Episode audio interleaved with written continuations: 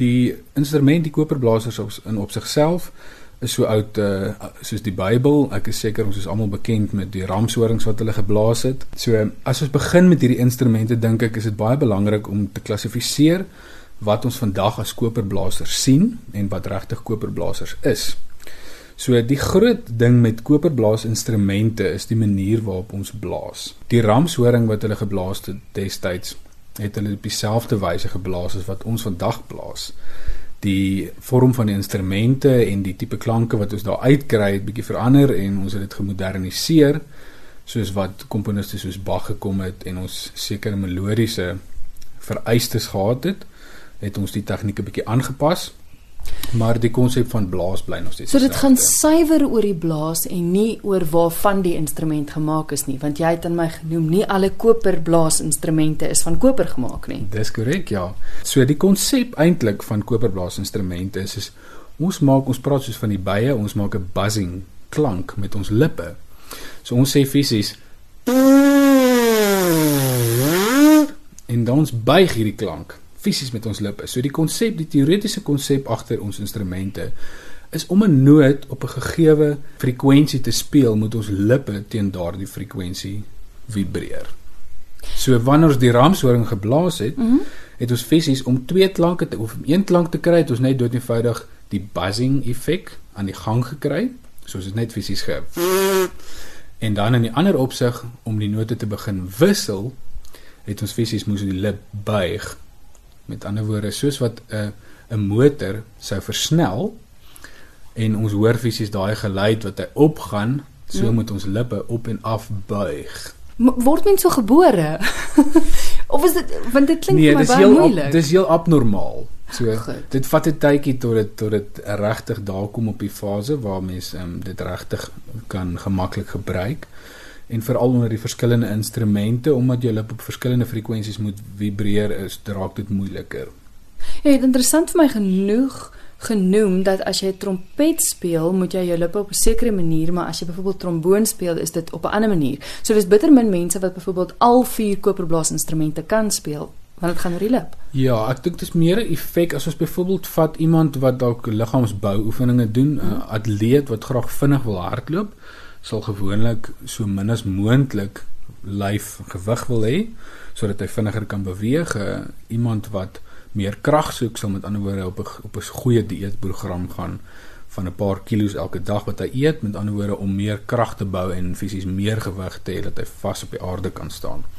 En net so met die vibrasie van die instrumente ook is is wanneer ons die die lip ontwikkel om fisies die hoë note te speel dan se taal asof hy nie meer regtig so maklik wil ontspan nie. Goed. So as ons by die by die tiba die laagste een speel, dan moet ons die lip fisies ontwikkel dat hy op baie lae frekwensies kan vibreer. So daar is 'n persoon wat 'n boek geskryf het wat hy noem Altomus Embouchure wat hy verduidelik hoe kan ons daarbey uitkom om met ander woorde al die instrumente te speel sonder enige moeilikheid.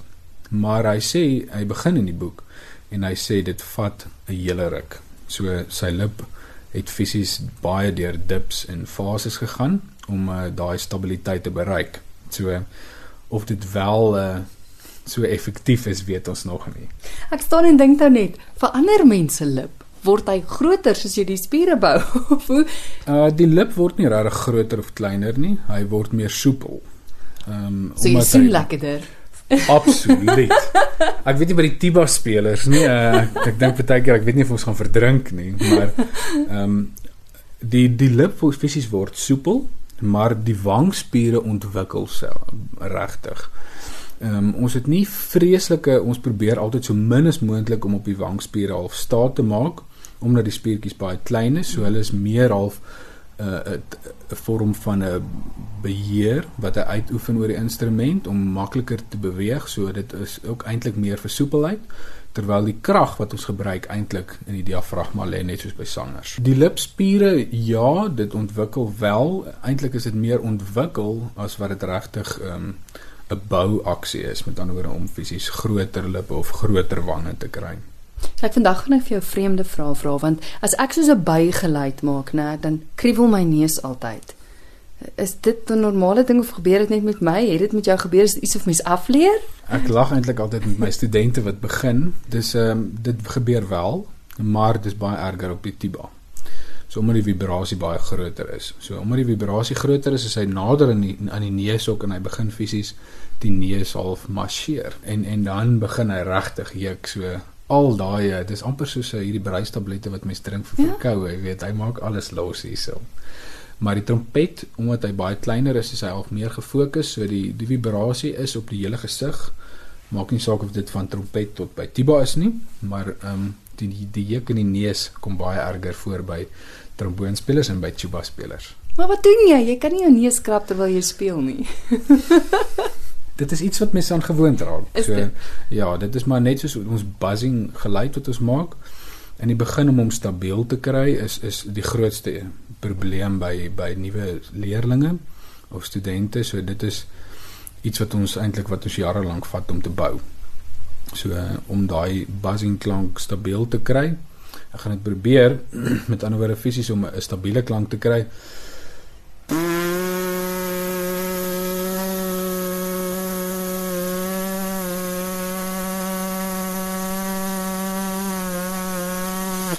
As ons hom kan op een plek laat stil staan en ons kan hom beweeg na 'n volgende plek toe en hy kan daar stil staan, dan begin ons vorder. En ons kan kry dat hy soepel genoeg is om van een vlak af te buig tot op die volgende vlak, dan is dit waar ons daai mooi trompetklank of tromboonklank kry wat ons graag wil hê.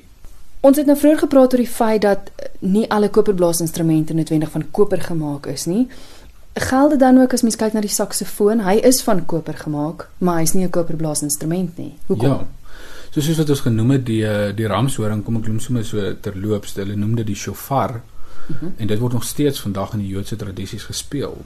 Ehm uh, so daai koperblaaseffek is nog steeds daar. So hulle het natuurlik ook geëksperimenteer met verskillende horings, verskillende groottes, maar dit bly onder daai buzzing effek wat ons het en daarom klassifiseer ons dit as koperblasers. Die saksofoon maak baie mense de mekaar en sê maar dit is dan dieselfde braas materiaal wat van sink of koper is. Ehm um, wat ons dan het met die saksofoon, maar die die die rede in die verandering na houtblaser toe lê by die mondstuk. So hy word deur 'n riet gespeel. So die hele klankproduksie van die saksofoon is houtaksie. So net so vandag fluitte is ook van metaal gemaak, maar hulle al, alhoewel hulle van hout aanvanklik gemaak is, is die mondstuk is 'n houtaksie wat geblaas word. So En daarom is dit houtblaasinstrumente. Houtblaasinstrumente. So hulle het metaal instrumente, daar's glasinstrumente, glasmondstukke. Daar's baie baie moderne ontwikkelinge wat hulle probeer, maar dit bly onder daai houtblaasaksie. So net so die saksofoon dan 'n houtblaser.